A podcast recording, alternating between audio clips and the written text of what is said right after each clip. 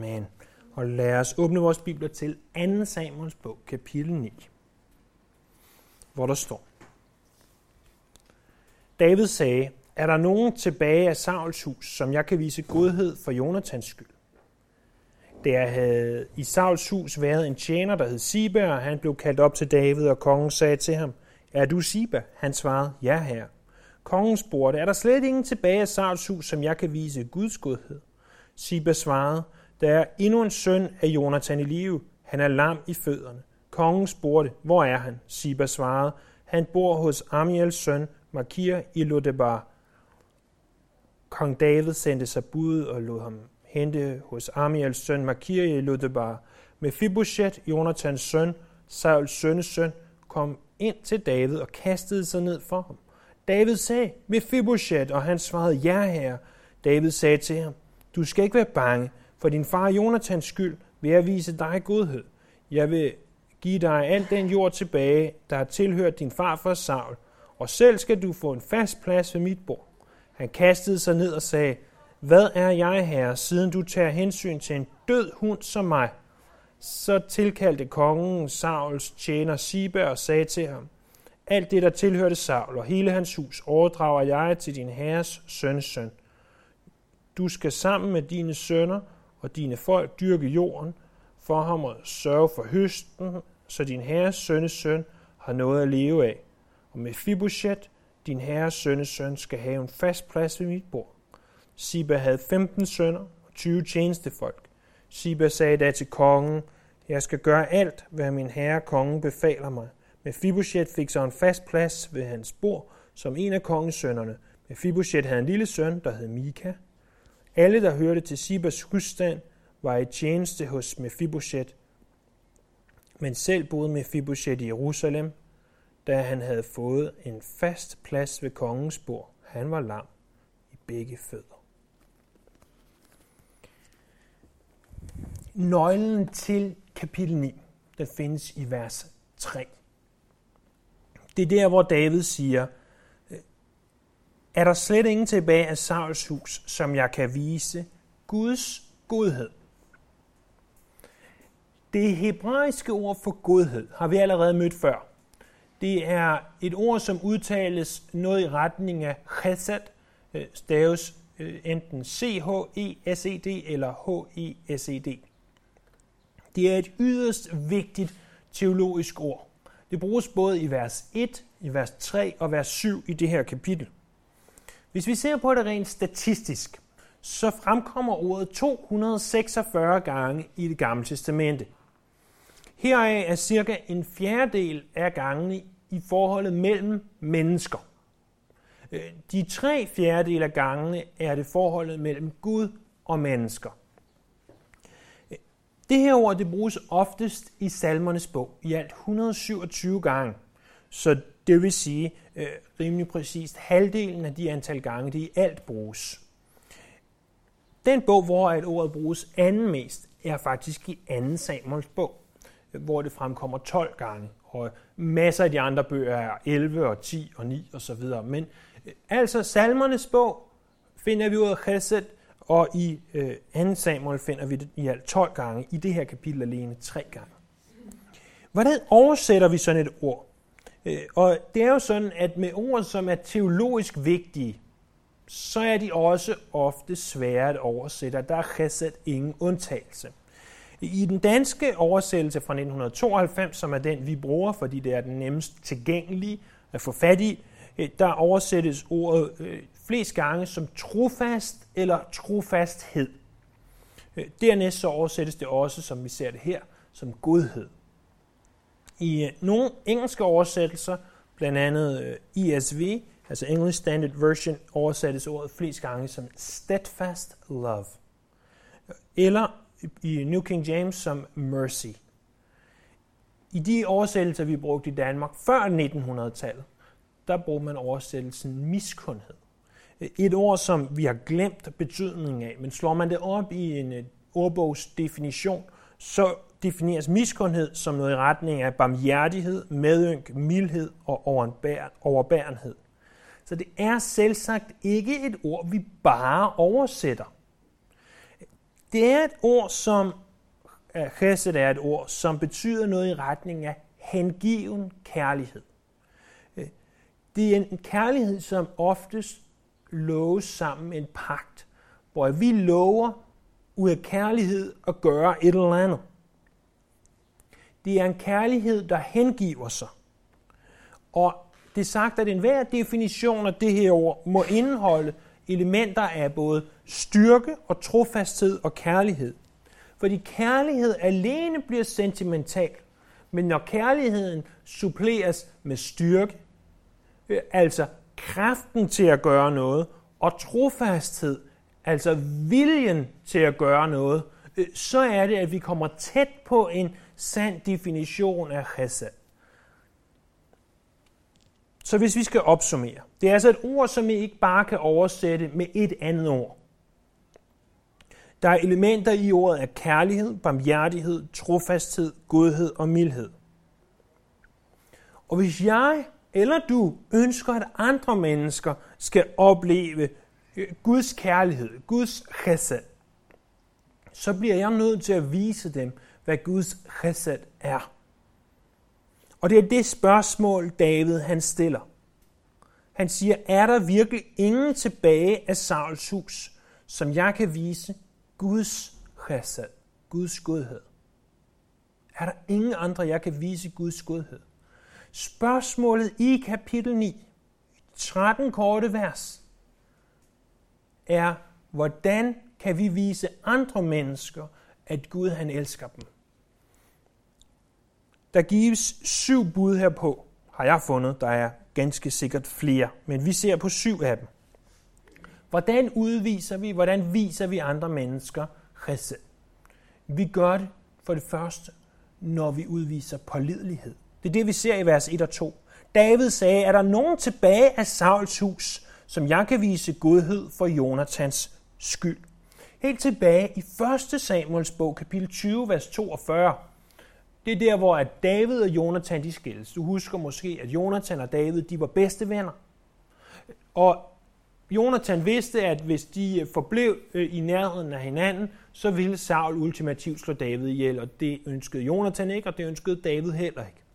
Så de skilles, David flygter, øh, og de lover hinanden, at de nok skal tage sig af hinandens familier, skulle noget ske dem. De lover altså hinanden chesed, de lover hinanden trofasthed. Nu 25-30 år senere øh, sidder David som konge over et forenet Israel, og han siger, det løfte jeg gav for, lad os bare sige 25 år siden, kan jeg opfylde det på nogen som helst tænkelig måde? Og han får så at vide i vers 2, at der havde i Sauls hus været en tjener, der hed Siba, og han blev kaldt op til David, og kongen sagde til ham, er du Siba? Og han svarede, ja, kong. Så her der viser David, at han er en pålidelig mand. En mand, man kan stole på. Hvis han lovede dig noget 25 år tidligere, så vil han nu 25 år senere rent faktisk også gøre det. Han sidder ikke bare og tænker på, at han kan gøre godt. Han gør godt. Han undersøger sagen og siger, er der ikke nogen tilbage af Sauls hus? Og de finder så den her tjener Siba, og Siba har altså været tjeneste hos Saul, og kan derfor øh, måske kende til, om der er nogen af Sauls hus tilbage, som David kan vise chesed. Øh, David, han viser altså den her chesed ved at vise, at han er pålidelig. Han er til at stole på. Han gør det, han siger. Bibelen siger i ordsprogenes bog, kapitel 28, vers 20, at en pålidelig mand er rig på velsignelse. Den siger også i ordsprogene 25.13, som kølende sne på en sommerdag, er et pålideligt sendebud for den, der sender ham. Han oplever sin herre. En pålidelig mand det er en mand eller en kvinde, som er til at stole på. Hvis man beder dem om at gøre noget, så ved man, at de gør det. Når, når du opfører dig, og jeg opfører mig sådan, så viser vi andre mennesker, hvordan Gud er. At Gud er pålidelig. At Gud er til at stole på. Og vi viser dem Guds godhed. Vi viser dem chesed. For det andet, så viser vi chesed, når vi hjælper de svage. Det er det, vi ser i vers 3. Kongen spurgte, er der slet ingen tilbage i Sauls hus, som jeg kan vise Guds godhed eller Guds chesed? Og Siba svarede, der er endnu en søn af Jonathan i live. Han er lam i fødderne. Så, så David siger, der må der være en eller anden, der er i familie med Saul, i familie med Jonathan. Og det er vigtigt at understrege, at David spørger bare om Sauls hus. Så det kunne have været en fætter, en søn af en fætter, en kusine af en et eller andet. Øh, men David er så så privilegeret, at der rent faktisk eksisterer en søn af hans nu afdøde bedste ven, Jonathan. Øh, den søn finder vi ud af lige om lidt, øh, at han hedder Mephibosheth. Vi har allerede hørt om Mephibosheth tidligere. Prøv en gang at bladre tilbage til kapitel 4, vers 4 af 2 Samuel. Her får vi en biografisk indsigt i, hvem Mephibosheth var. Kapitel 4, vers 4. Sauls søn, Jonathan, Sauls søn Jonathan havde en søn, der var lam i fødderne. Han var fem år gammel, dengang meddelelsen om Sauls og Jonathans død kom fra øh, øh, Israel. Hans plejemor havde taget ham med sig og var flygtet, men under sin hovedkuls flugt havde hun tabt ham, og sådan var han blevet lam. Han hed Mephibosheth. Mephibosheth betyder skammens udrydder. I 1. krønike kapitel 8, der kaldes han Merib Baal, altså Baals kriger. Mephibosheth var bogstaveligt talt tabt på gulvet. Han var tabt på gulvet, således at han var blevet lam i fødderne som femårig. Og øh, det understreges øh, både her i vers 3 øh, og igen i vers 13, at han var lam. Så det var altså vigtigt, at han var lam. David ønskede at vise med Fibochet Guds chesed. Øh, og det kunne han gøre ved at hjælpe en, der var svagere end ham selv. Igen i ordsprogenes bog, så står der, at den, der forbarmer sig over den svage, giver et lån til Herren. Og Herren gengælder ham hans gerning. Var det ikke det, Jesus gjorde, da han gik rundt på den her jord? At, at han gik ikke ind til denne verdens fyrster og konger, og farisæer og skriftkloge og præster. Det var ikke dem, Jesus kom til. Jesus øh, hang ud med sønder som en bred gruppe, tollere som lidt mere øh, indsnævret og, og prostitueret. Det var, det var den type mennesker, som Jesus viste Guds kærlighed. Jesus kom og viste dem, der var svagere end gennemsnittet, Guds kærlighed. Og en måde, hvorpå vi viser andre mennesker Guds kærlighed, Guds chesed, det er ved at hjælpe dem, der er svagere end os selv. Og uanset hvor svag du måtte føle dig i dag, så vil der altid være en, der er svagere end dig. En, der har mere brug for din hjælp, end du har brug for andres hjælp. For det tredje, så viser vi Guds chesed, når vi er villige til at gå den ekstra mil. Det er det, vi ser der i vers 4. Og kongen spurgte, hvor er han? Og Siba svarede, han er hos Amirs søn Makir i Lodebar. Jonathans søn øh, Mephibosheth, han havde nu bosat sig i Lodebar. Og Lodebar, det var tæt på Mahanaim, og Mahanaim, det var ved Jordansflodens østlige bred. Det er altså omkring 60 km fra Jerusalem. 60 km i vores samfund er ikke en specielt stor afstand. Det er i bilen en lille times kørsel. Men 60 km dengang var måske to, måske tre, måske halvanden dagsrejse, lidt afhængig af, hvordan du rejste. David var ikke bange for at hjælpe en, der var sværere end ham selv, og bruge de ressourcer, der skulle til at hente med Fibochet, selvom han var 60 km væk. Og de skulle så vel og mærke tilbage igen.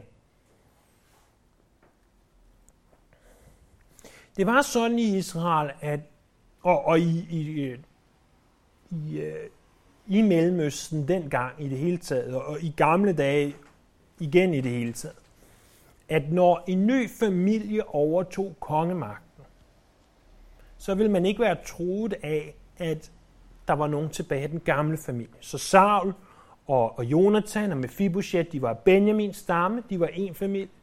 David øh, var Judas stamme, det var en anden familie.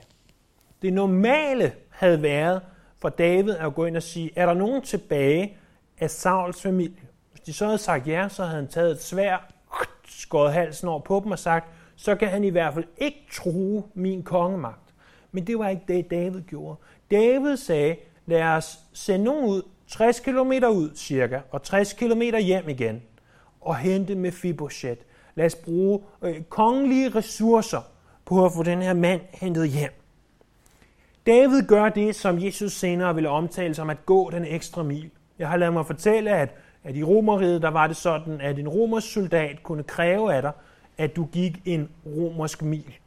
Så, øh, og, og bar hans udrustning. Så hvis romeren kom der og så dig øh, i færd med at gå og gøre et eller andet på din mark, og han var lidt træt, så kunne han sige til dig, du skal lige bære min rimelig ellers tunge udrustning det næste mil. Og så sagde Jesus til dem, hvis nogen beder om det, så i stedet for at gå en mil, så gå to. Så gå to. Så vis dem, at du har Guds kærlighed i dig. Og at Guds kærlighed i dig, når du forsøger at vise den til omverdenen, så gør du ting, der går ud over dig selv, som ikke stiller dig selv i en bedre situation, men som viser folk, at du er villig til at ydmyge dig, at du er villig til at gå den ekstra mil. Og det er det, som David han gør. Han siger, jeg henter med Fibosheth hjem, også selvom det har en omkostning for mig. Øh, naturligt nok var det ikke David selv, der hentede ham. David havde et kongerige at styre, men han brugte stadigvæk ressourcerne på at få ham hjem. For det fjerde ser vi, at vi viser chesed, når vi ikke overlader problemerne til andre. Det er det, vi ser i vers 5. Kong David sendte så bud og lod ham hente hos Amiels søn Makir i Lodebar. Efter alt at dømme, så var ham her Makir i Lodebar temmelig velhavende. Og David kunne meget nemt have sagt, Makir, han har allerede med Fibuchet, der med Fibuchet øh, kender ham, har måske boet der de sidste 25 år af sit liv, og øh, Makir kan bare tage sig af ham. Og, og det er sådan, vores holdning ofte er, at problemerne, vi ser, det behøver ikke være vores problemer, det kan meget let være andres problemer. Og vi prøver at gøre et problem til andres problemer. Det må andre, det kunne være staten, det kunne være vores nabo, øh, det kunne være hvem som helst. Det må andre hjælpe med.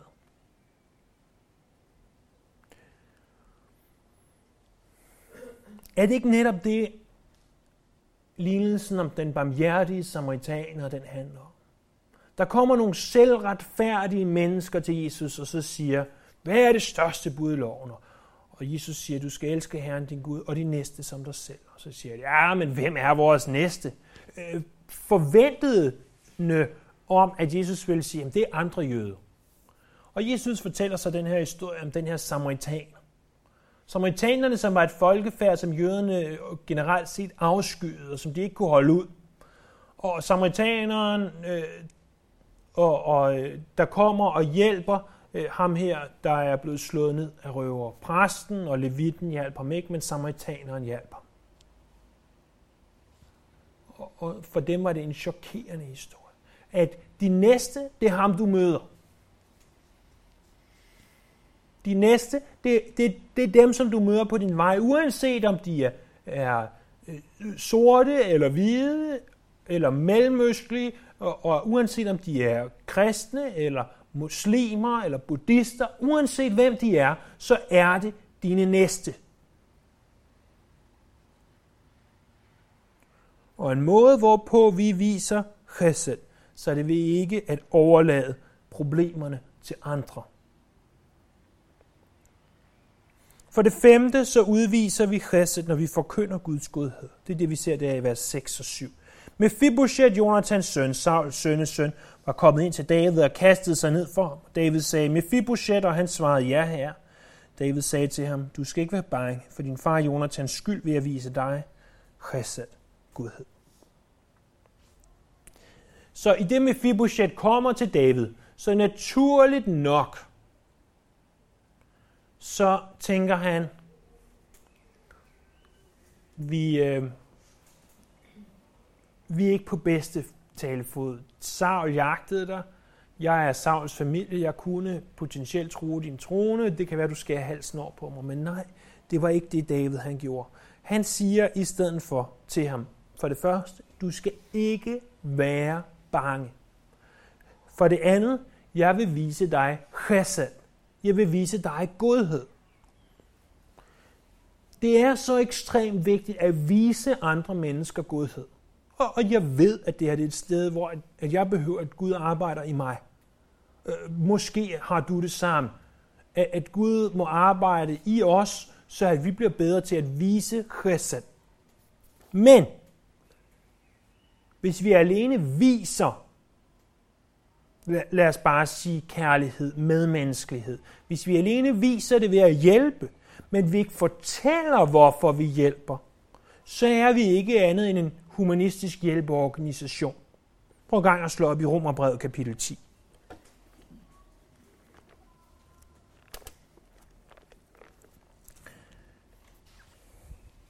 I Romerbrevet kapitel 10, der argumenterer Paulus for, at forkyndelse er nødvendig.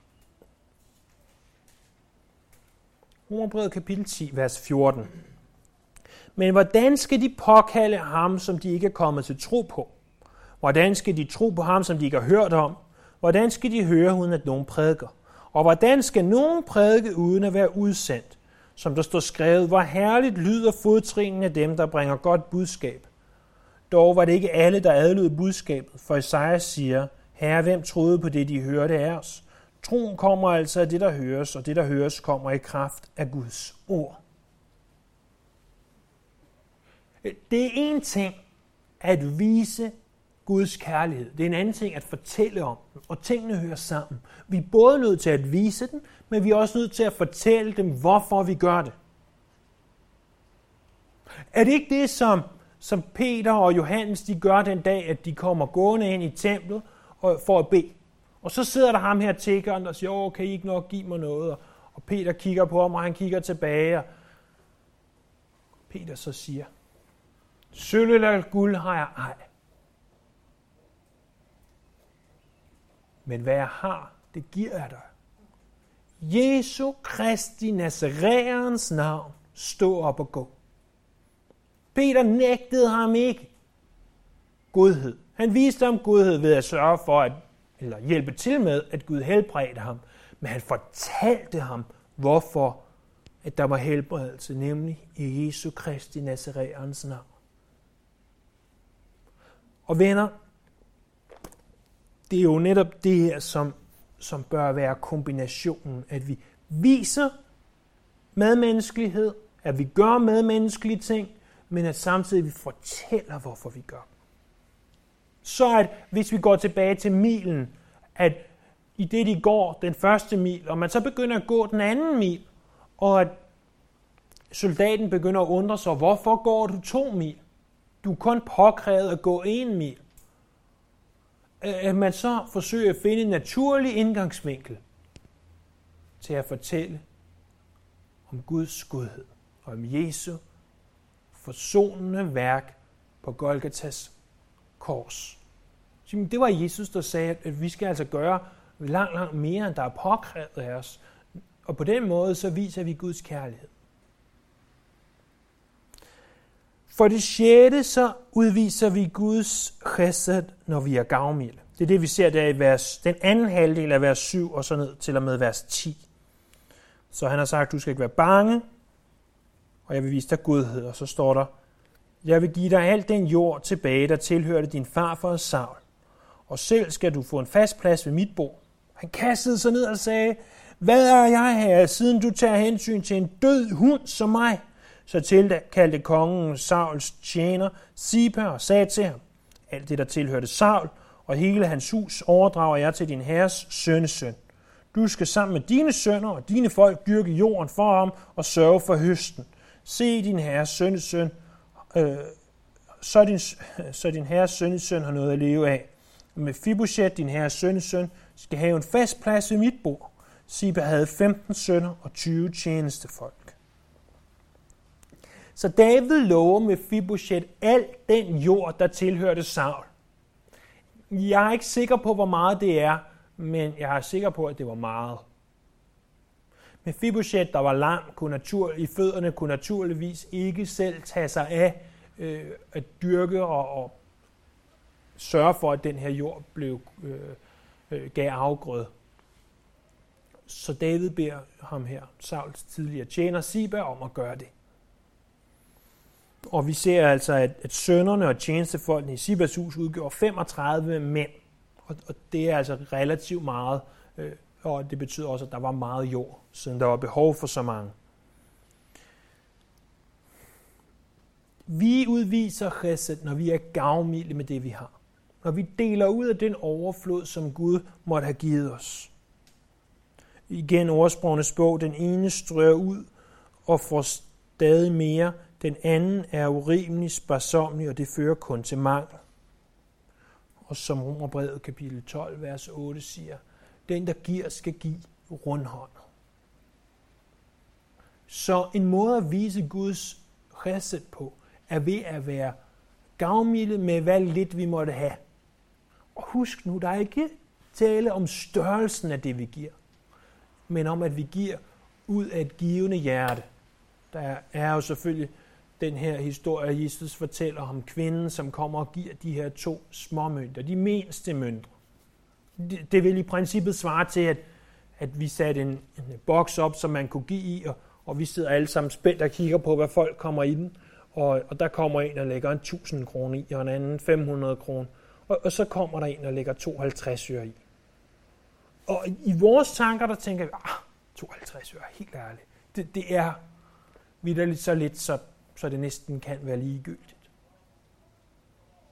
Men hvis det var det, hun havde,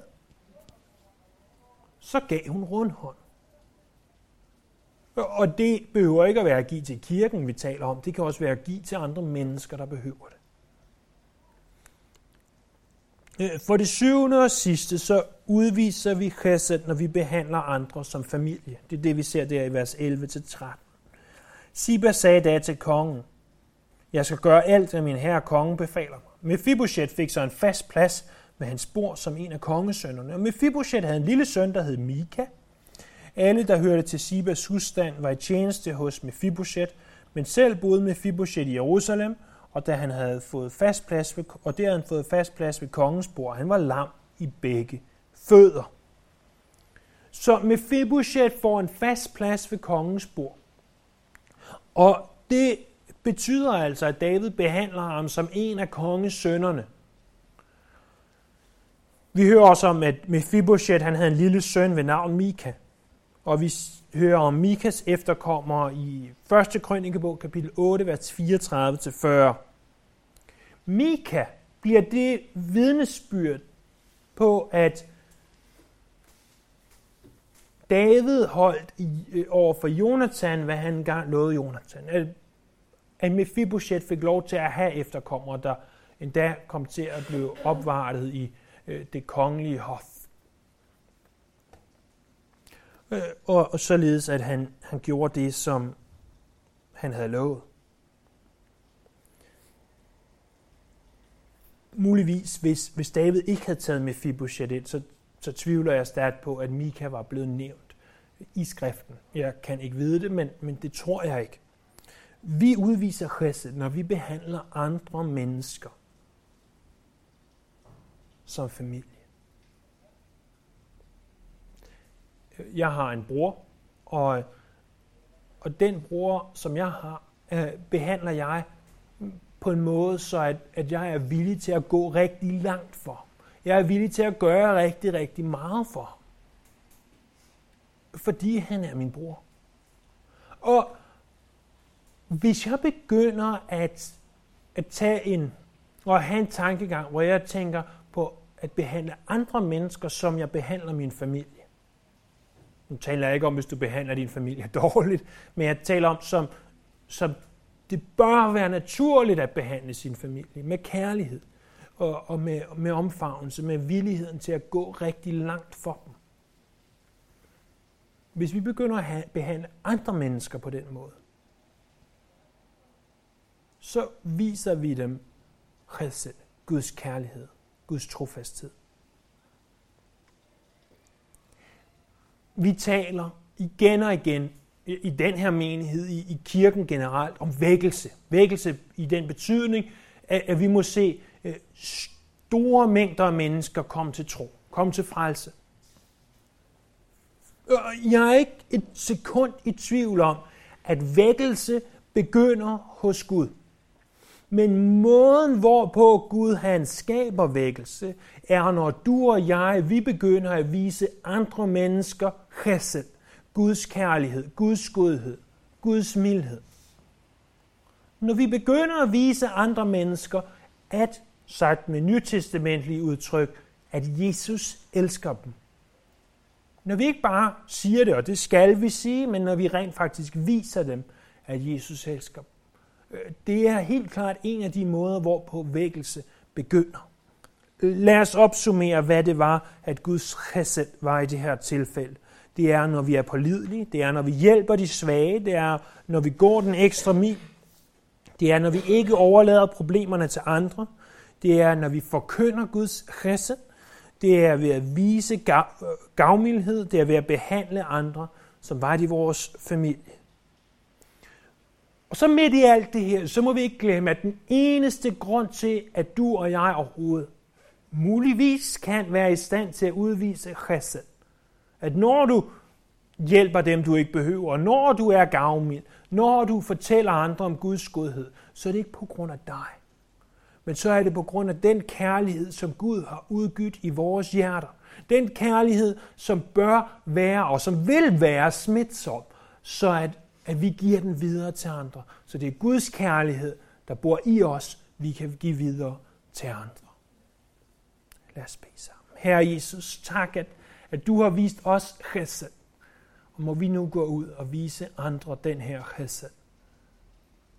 For at de kan se, at du elsker dem, som du elsker os. Vi tilbeder dig, Herre. Dit navn. Amen.